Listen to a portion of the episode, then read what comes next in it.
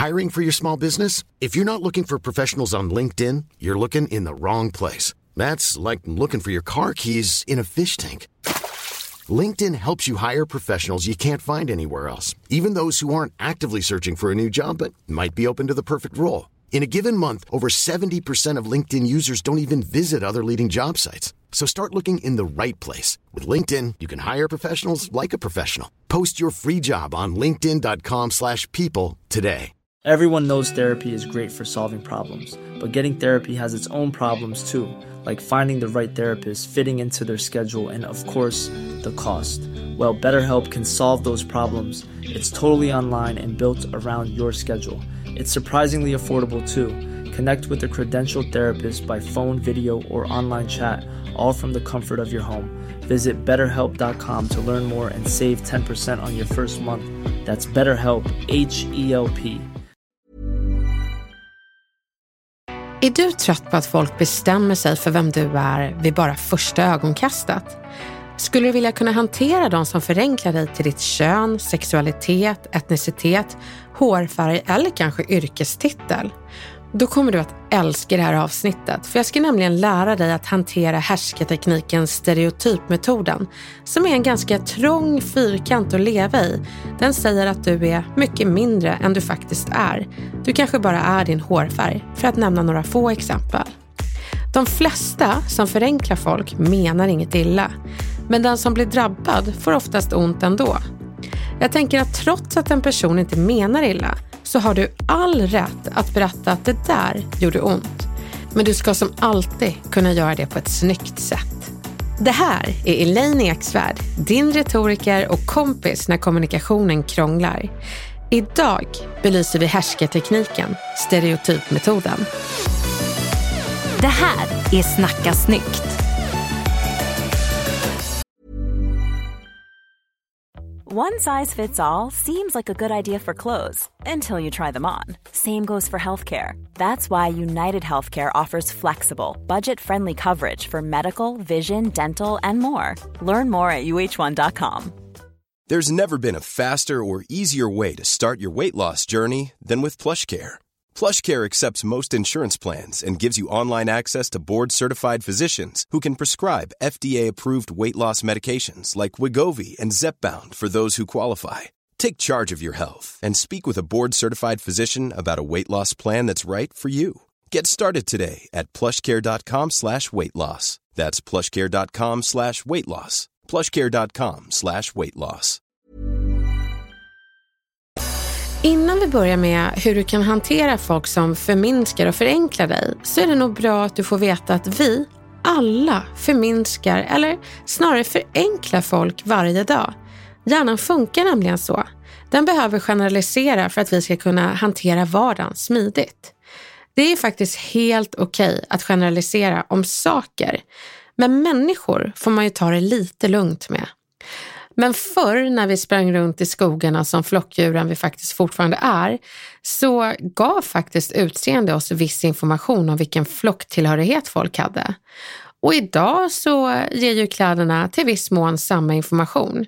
Vi är fortfarande flockmänniskor och försöker med de förutsättningar vi har visa vilka vi är i våra klädval.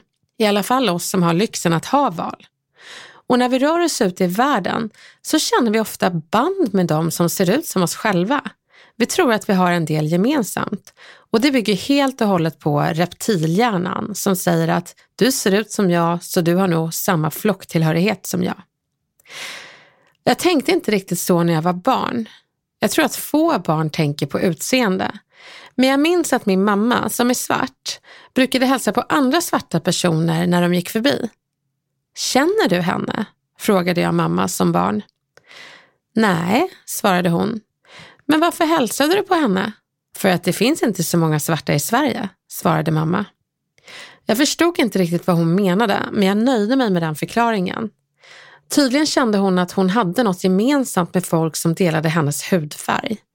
Jag själv skulle inte relatera till det förrän 20 år senare då jag var i Montenegro med mitt ex. Jag var där med han som jag sen kom att kalla Balkankrisen när han hade dumpat mig. Men innan dess så hade vi det bra. Vi var på vår första och eh, sista gemensamma resa som gick till Montenegro. Och jag kommer ihåg att jag tittade med stora ögon på den här långa befolkningen. Världens näst längsta faktiskt. Och de stirrade på mig, som var rätt kort i sammanhanget, trots mina 176 centimeter. Jag var inte bara kort, jag var den enda mörkhyade personen jag såg under min vistelse där. Men så minns jag en av de sista dagarna då en mörk man kom gåendes med sin backpack. Han fick stora glada ögon och jag med.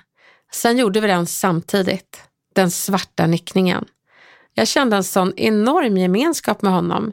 Vi nästan fnissade, för visst hade han blivit stirrad på precis som jag under hela sin vistelse i Montenegro.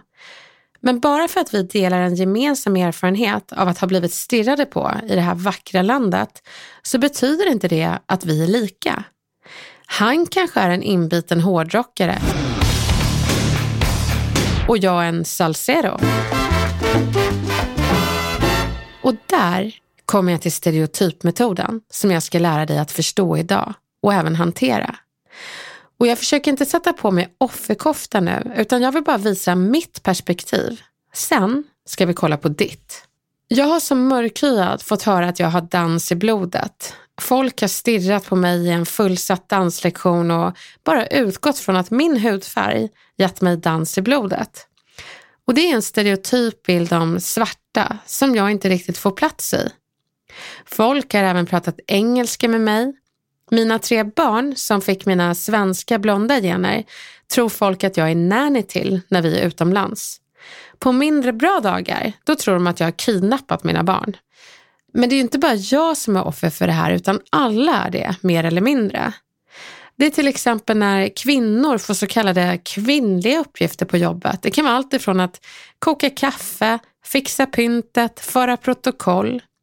Dina män får så kallade manliga uppgifter som att bära tunga saker, byta glödlampa eller vad det nu än må vara, som att det vore genetiskt betingat för män att kunna byta glödlampor bättre än kvinnor.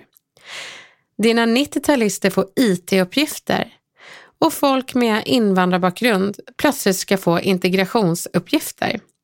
En blond kan förväntas vara mindre begåvad och en krullhårig förväntas vara busig. Det här är stereotypmetoden. Och nu känner jag att jag måste ta in min producent Camilla för att se, jag har ju delat mina erfarenheter kring att bli förenklad. Camilla, har du några? Ja, men det har jag nog när jag tänker efter. Berätta. Jag är ju blond och bystig. Tillsammans med att jag oftast är ganska glad gör att jag hamnar i en viss stereotyp bild, eller vad man ska säga. Men gud, bara när du beskriver dig själv. Jag tänker, våra lyssnare har ju aldrig träffat dig förr. och den första beskrivningen vi får av eh, producent Camilla Samek är, hon är blond, bystig och glad. Ja. ja. och vad tänker ni då? Vad tänker man då? Alltså om man bara ska by bygga upp en stereotyp. Tänker man så här, hon, jag ser, alltså den här kvinnan, hon är en skarp poddproducent, bland annat. Nej, alltså jag tror ju tyvärr inte det. Nej, utan de tänker Nej. kanske, de där hårrötterna är inte kopplade till en högfunktionell hjärna med högt IQ. Lite så, tyvärr. ja. Jag har ju till och med testat i min ungdom att färga håret. Fick du annat bemötande då? Ja, men det sjuka är att jag tyckte nästan det. Att det kändes som att jag fick pondus med min hårfärg. Ja. Hur sjukt är inte det? Det är väldigt många blonda, oftast kvinnor, som vittnar om det. Att de får ett helt annat bemötande bara de har liksom färgat håret mörkt. Jag vet ju själv att jag har ju afro och när jag har afro då beskrivs jag som busig och när jag har rakt plattat hår då är jag mer så här kaxig och rak och man vet aldrig vad som ska hända.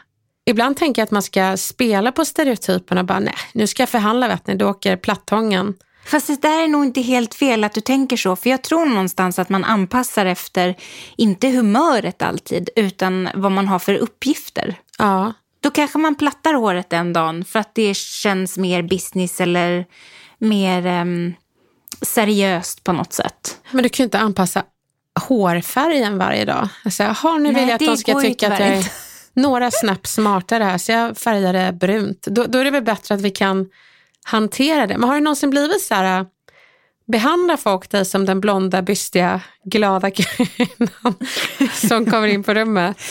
Nej, jag skulle inte vilja säga det, men jag tror ofta det är när man träffar någon för första gången eller när man i olika sammanhang inser att men vänta, de känner inte mig. Eh, och då kan jag ibland känna av deras, men kanske första tanke kring vem jag är eller vad jag går för eller hur jag, hur jag funkar på något sätt. Ja, jag kan inte relatera till eh, blond eller glad, för jag ser ut som en ledsen Sankt Bernhardshund när jag är neutral. Men eh, däremot bystig innan jag ammade tre barn, absolut. Och då märkte jag att eh, folks förväntningar på mitt intellekt var inte jättehögt. Nej, tänk, lägg, lägg till blond och glad på det. Ja, men precis. Och då undrar jag på vilket sätt skulle frodig byst vara kopplat till lägre IQ? Jag är så intresserad av den stereotypen. Vad tänker de att liksom Ja, nu ser vi här att det är 75 GG, så då måste det vara IQ eh, 0 här. Fick inte plats med hjärna. Nej, jag vet faktiskt inte varför jag skrattar, för det här är ju ganska sorgligt egentligen. Använder du stereotyper ibland, Camilla, för att liksom väcka vissa känslor? Kanske att man måste göra det ibland. Eh, att man får vara lite street smart. Jag ska berätta en hemlighet. Mm. 2011 så använde jag faktiskt stereotyper, alltså klädsel strategiskt när jag skulle kommentera partiledarna.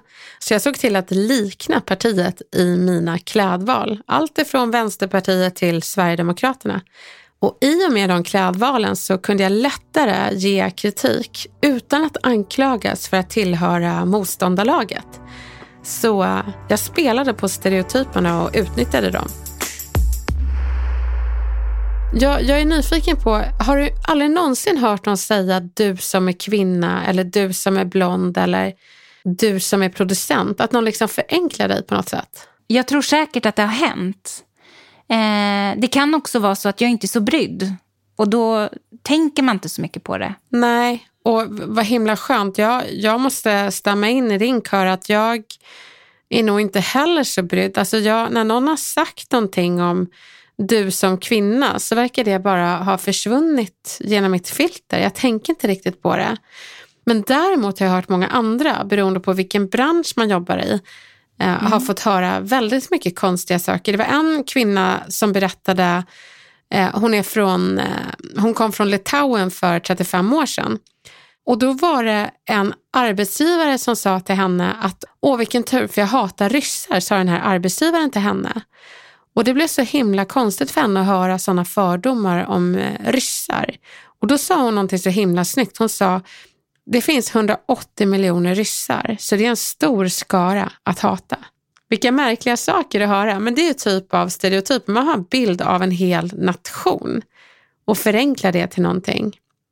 Men det finns ju andra stereotyper som inom yrkeskategorier att en ingenjör till exempel ska vara fyrkantig och introvert eller en säljare ska vara extrovert och hela tiden vara beredd att kränga.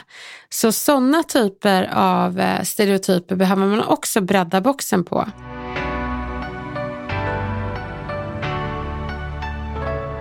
Det finns massa olika stereotyper. Introvert, extrovert, yrkestitlar och så vidare. Men sexualitet är ju också en och där är det lite svårare för dig och mig Camilla eftersom vi är heterosexuella. Att kanske känna, det är ingen som är så här, aha är du heterosexuell då måste du gilla tango, eller? Nej. Vi är ju helt förskonade. Men nu ska jag ta med dig till en fest som inte bara ger oss heterosexuella ett perspektiv på hur man kan bli bemött som homosexuell utan också ett verktyg som Dennis har gett mig. Vi klev in och värdinnan på festen kände inte min kompis Dennis men hon kände till att han var gay. Nämn hans förvåning när hon hälsade i ena andetaget och frågade vad han tyckte om hennes gardiner i andra andetaget. Och då gjorde han något så himla fiffigt. Han sa, alltså dina gardiner de är jättefina men varför får min bedömning ditt förtroende? Vi har ju precis träffats. Och då svarar hon, ja men du är ju gay. Och så tog hon honom om axeln och såg sig skitglad ut som att det vore det mest självklara i hela världen. Och då svarar han, ja du har helt rätt, jag är gay. Och sen tittade han upp på hennes gardiner och sa, men i min värld så är det män som gillar män. Men eh, i din värld så ingår gardiner, eller? Alltså du skulle sett hennes min. Hon blev helt högröd och bara skämdes. Och så sa hon det att Gud förlåt, jag menar inget illa. Och Dennis är ju så himla fin. Han sa bara det att jag vet. Och så tröstade han henne lite och fortsatte med du skulle ändå tjäna på att inte dra en koppling mellan sexualitet, gay och gardiner. Det finns ingen koppling, men däremot så finns det stereotyper. Och ni vet, hon sa bara förlåt, förlåt, förlåt och hon skämdes resten av festen. Och jag måste säga att när vi gick ifrån den så tyckte jag faktiskt synd om henne. Och så frågade jag Dennis om inte han hade förstört stämningen lite. Och det här kommer ni nog komma ihåg. Han tittade strängt på mig och ganska vänligt också som bara han kan och så sa han jag förstörde inte stämningen. Jag räddade framtida stämningar och fester som din kompis kommer ha från att innehålla homofobiska kommentarer. Varsågod, sa han. Och ni vet, jag säger bara tack Dennis. Dennis gjorde något som jag vill att du ska göra när du är med om stereotypmetoden. Att du inte blir arg, inte heller ledsen, utan du väljer att vara nyfiken. Fråga hur personen menade, sen kan du berätta hur det landade. Så jag tänker att Camilla, du ska få testa stereotypspelet. Oj!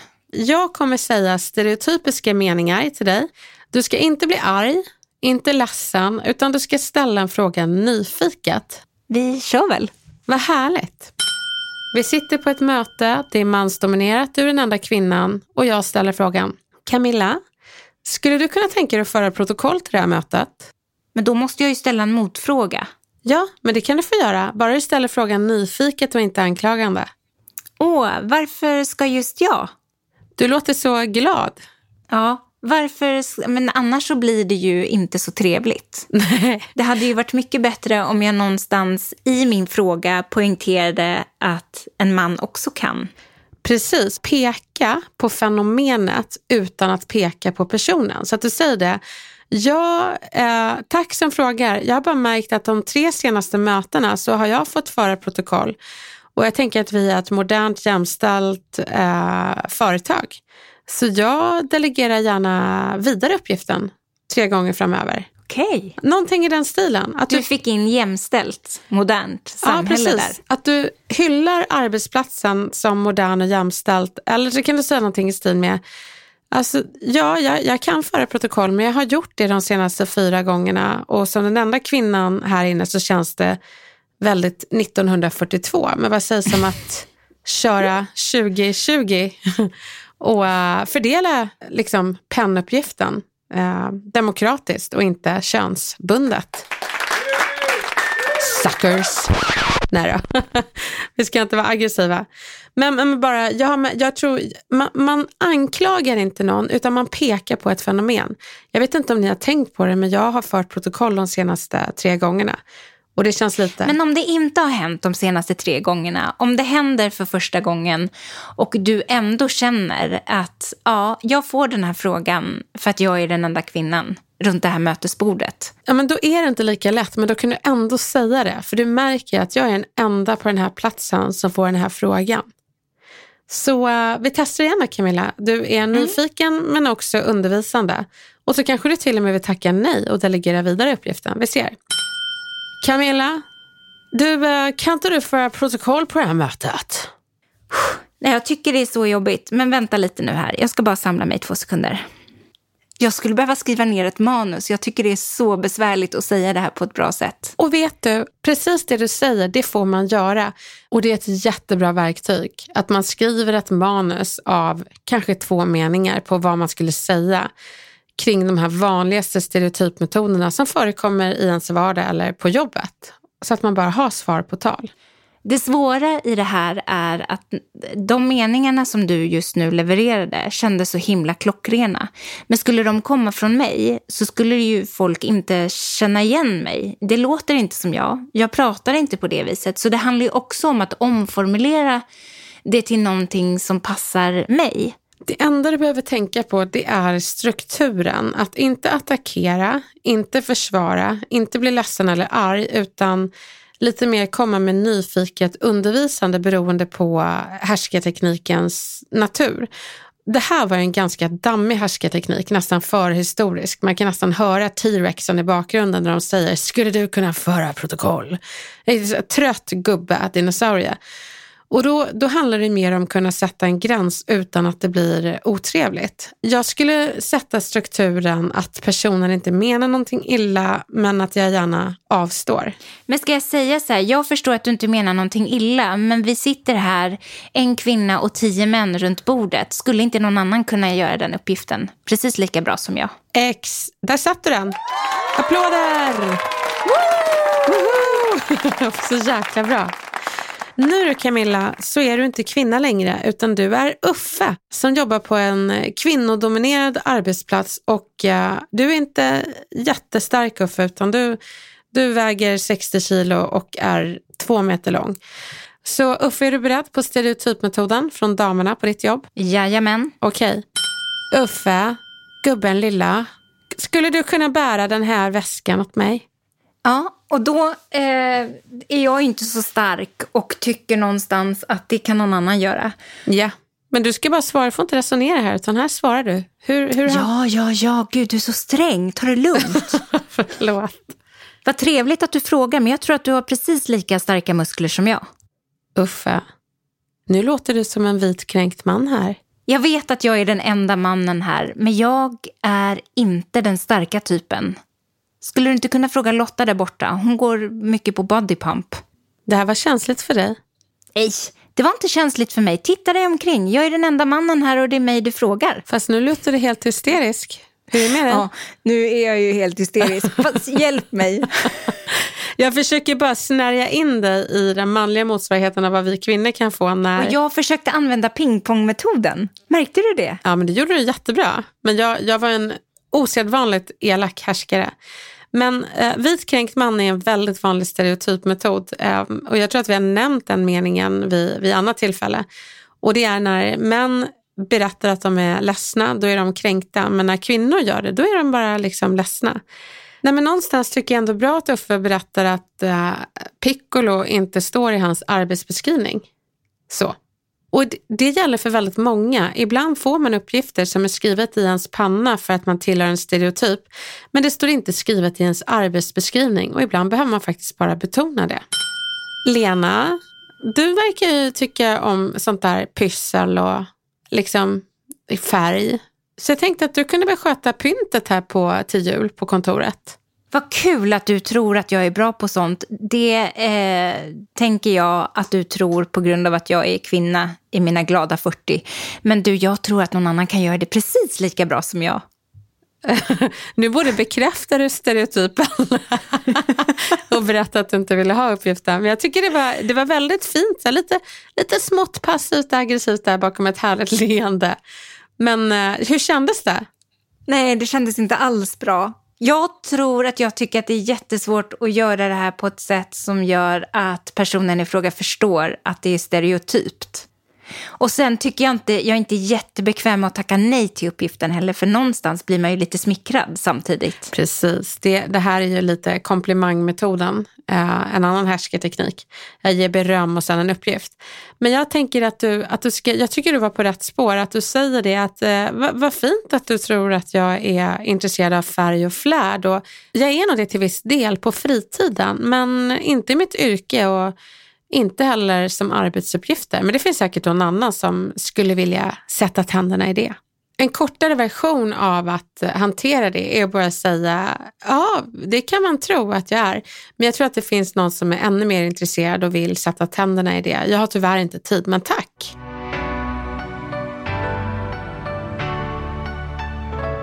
Jag ska ge er några meningar som är väldigt bra att ha i bakfickan när stereotypmetoden gör sig påmind. Och ibland vet man faktiskt att det är en sån här stofil som kommer med ganska förlegad syn på sådana som du.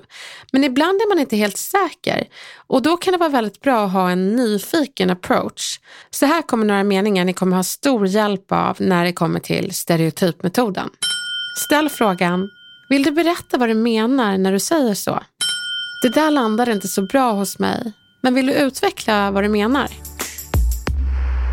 Reglerna är egentligen fyra. Det är att 1. Utgå från att personen menar väl, men att det landar illa. 2. Var nyfiken, aldrig arg eller ledsen. 3. Dra en gräns, men ge också kunskap om det skulle vara en sån här beyond-kommentar i stil med “Ni kvinnor ska alltid skvallra”. 4. Berätta att du tillrättavisar för att personen inte ska råka såra sådana som du. Och gör det med omtanke. Så Camilla, jag tänker att vi kör igen. Nu har du de här meningarna som du kan använda. Du har även verktygen. Så jag kommer vara den här stofilen igen på de olika arbetsplatserna och så ska du få svara. Är du beredd? Yes. Du, eh, Camilla, skulle du kunna föra protokoll på det här mötet? Eh, det skulle jag absolut kunna göra, men jag tänker att vi sitter ju tio män runt det här bordet och en kvinna. Jag tänker att männen är precis lika kapabla. Vem skulle vilja ta sig an uppgiften? Snyggt! Uffe, skulle du kunna bära den här väskan åt mig, är du gullig? Nej, men jag vet att du inte menar någonting illa, men jag är ju inte den starkaste på det här företaget. Kan du inte fråga Lotta? Hon är ju grym. Stark och grym. Jättebra. Och det, det är bara att man eh, liksom lägger till ett kroppsspråk, ett röstläge har du ju redan. Men på plats så kommer det upplevas varmare när du har ditt leende och visar att du menar ingenting illa men det landade lite illa. Lotta, du som gillar så här eh, färg och flärd, skulle inte du kunna fixa pyntet till jul på kontoret? Ja, man kan tro att jag älskar färg och flärd, men eh, kanske inte på arbetstid. Jag är säker på att det är någon annan som gärna tar sig an uppgiften. Skitsnyggt. Du drar en gräns utan att eh, förstöra stämningen. Och även om stämningen ibland blir förstörd så tänk det som att du räddar stämningen i framtiden. Det är faktiskt omsorgsfullt att hjälpa folk att sluta boxa in folk i stereotypmetoden. Ja men gud, jättebra jobbat Camilla. Och precis det du gör, det är liksom att bekanta sig med nya meningar, göra dem till sina egna.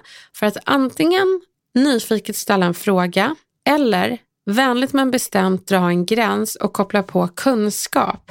För ibland är det så som den här kvinnan från Litauen som kände att de gjorde ner hennes ryska grannar. Att man behöver berätta hur många hundra miljoner de är och att de därför är på hundra miljoner olika sätt. Jag anser att Eh, hantera stereotypmetoden, det är att hantera fördomar och få folk att inse att eh, vi människor är mer än vårt utseende och det är faktiskt värt att lära känna oss, göra den ansträngningen istället för att stanna vid fördomen.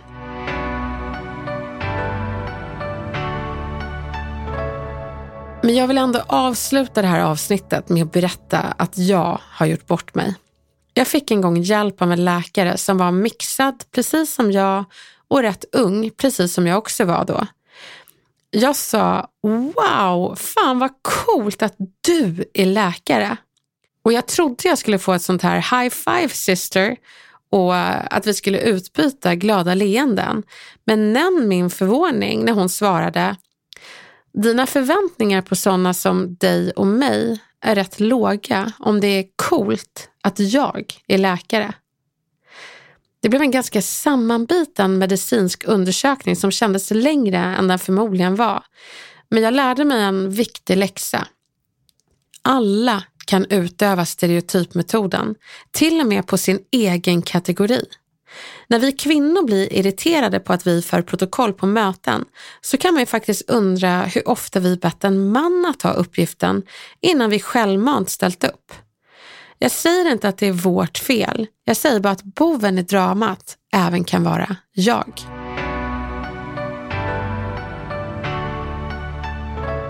Nästa gång du blir utsatt för stereotypmetoden så hoppas jag att du kan ta upp hakan du tappade och nu har svar på tal som både får dig och personen att växa.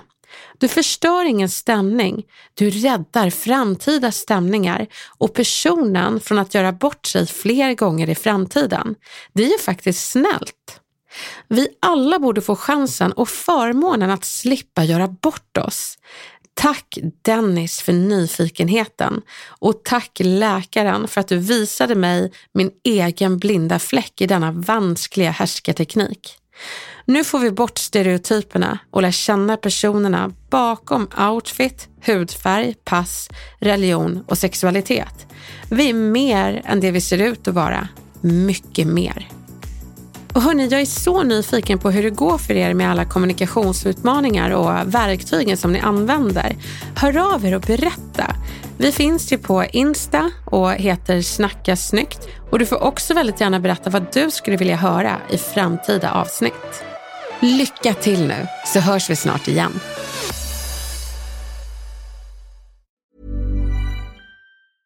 Even when we're on a budget we still deserve nice things. Quince is a place to scoop up stunning high-end goods for 50 to 80% less than similar brands. They have buttery soft cashmere sweaters starting at $50, luxurious Italian leather bags, and so much more. Plus, Quince only works with factories that use safe, ethical, and responsible manufacturing. Get the high-end goods you'll love without the high price tag with Quince. Go to quince.com/style for free shipping and 365-day returns. Imagine the softest sheets you've ever felt. Now imagine them getting even softer over time. That's what you'll feel with Bowl and Branch's organic cotton sheets. In a recent customer survey, 96% replied that Bowl and Branch sheets get softer with every wash. Start getting your best night's sleep in these sheets that get softer and softer for years to come. Try their sheets with a 30-night guarantee. Plus, get 15% off your first order at bowlandbranch.com. Code BUTTERY. Exclusions apply. See site for details.